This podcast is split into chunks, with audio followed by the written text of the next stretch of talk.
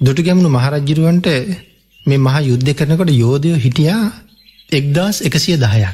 ප්‍රධාන යෝධය කොළස්තිනයි. ආගේ ප්‍රධාන යෝධයන්ගෙන් එක්කෙනෙකුට කීවේ ඔබ තව දහදිනෙක් එකතු කරගන්න. ඒවාගේ එකොළොස් දෙනාටමක ඔබ දහයක් එකතු කරන්න. තැ මේ එකොළොස් දෙනා එක්කෙනා දහයගාන එකතු කරනකොට එක්දස් එකසිය දහයක් යෝධය එකතු වුණා.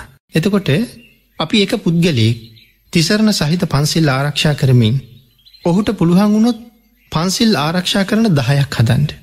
ඒ දහ දෙනාට කීවොත් ඔබත් දහයක් හදන්. කාරණාවේ ප්‍රයෝජනය හරියටම දැකගත්ත එක තියෙන ආනිසන්සය අත්තින්දින ඒ කෙනෙක් තව කෙනෙක් තව දහයක් හදනවා. එහෙම එහෙම හදන්ට පටන්ගත්තොත් මේරට බොහොම වේගෙන් සිල්වත් රටක් බවට පත් කරන්න පුළුවන්. නමුත් වර්තමානයේ දරු පරපුර බේරගණ්ඩ මංහිතන්නේ අකමැත්තෙන් හරි කියන්නෙන මව්පියන්ට ධර්මය පිළිබඳ ලොකු දැනුමක් නැති නිසා අපේ දරු පරපුර ඉන්න තැනිනුත් ප්‍රපාතයට වැට. ද ඒ නිසා මේ මව්පියෝ දරුවන්ට ආදරී කියලා කියන වචනය. මට හිතෙන්නේ ඒක ආත්මාර්ථකාමී ආදරයක් තියෙන කිය. තමන්ගේ අවශ්‍යතාවයන් තමන්ගේ බලාපොරොත්තු පුළුගන්වා ගැනීමේ අවශ්‍යතාවයක් විතරක් තියෙනවද කියලා හිතෙනවා. හේතුව ඒ මව්පියොත් අසරණයි අසරණයි කියලකි ඒගොල්ලු ධර්මය දන්න. ඒ අසරණ මව්පියන්ගේ දරුවවිච්ච අනික් අය ඊටත් වඩා අන්ත අසරණයි. මගේ එහෙම සඳහන් කළේ මේ සිල්ගුණ පිළිබඳව තුනුරුවන් පිළිබඳව යහපත් ගුණධර්ම පිළිබඳව මව්පියෝළඟ ලොකුවට ආකල්පනෑ. ප්‍රාණඝාතය කියන කාරණාව විතරක් අරගත්තුත් කෙනෙක් එක සැරයක් එක සතෙක් මැරුවොත් සංසාරය විපාක දෙන හැටි සිය දහස් ගණන් වාරවල එක අකුසලේ විපාක දෙනවා. ඒක පොඩි කෙනෙක්ද කළේ ලොකු කෙනෙක්ද කළේ කියන එක අකුසලයට බාධාවක් නෑ. සමහර කෙනෙක් කතා කරනවාන මේ පුංචිම ළමේ වරදක් කිරුවොත් ඒක පවක් නෑ කියලා.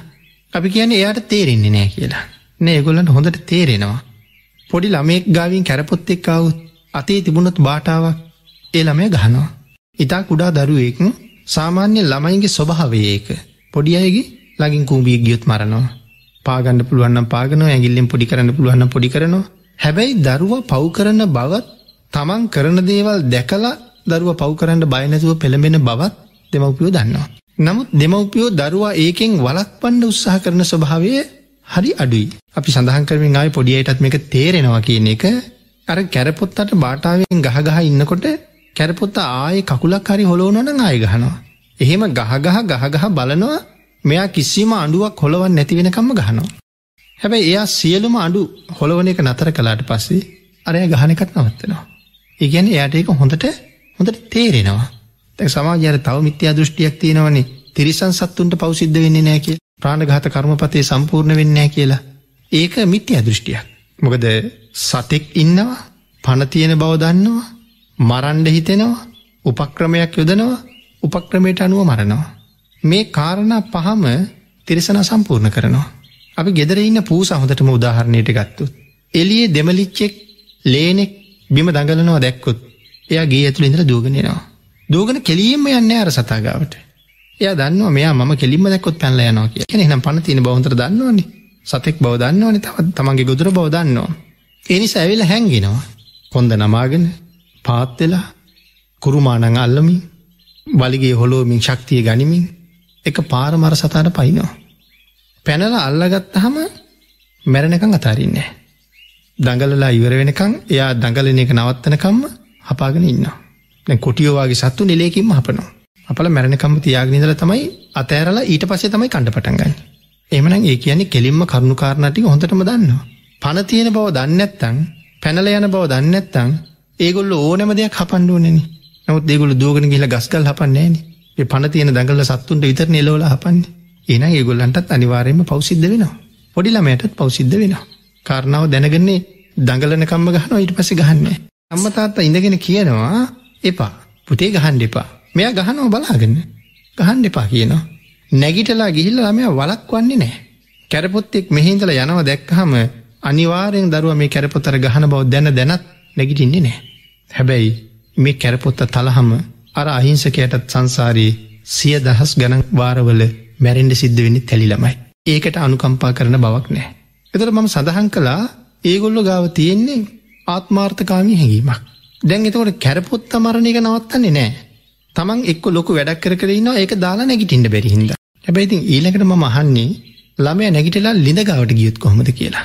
කොයි තරම් වටින වැඩක් කර කර හිටියත් එක පැත්තක දාලා දුවනොයි. ළමය ලිපගාවට ගියුත් ඒත් දාලා දුවනෝ අල්ලගන්ඩ.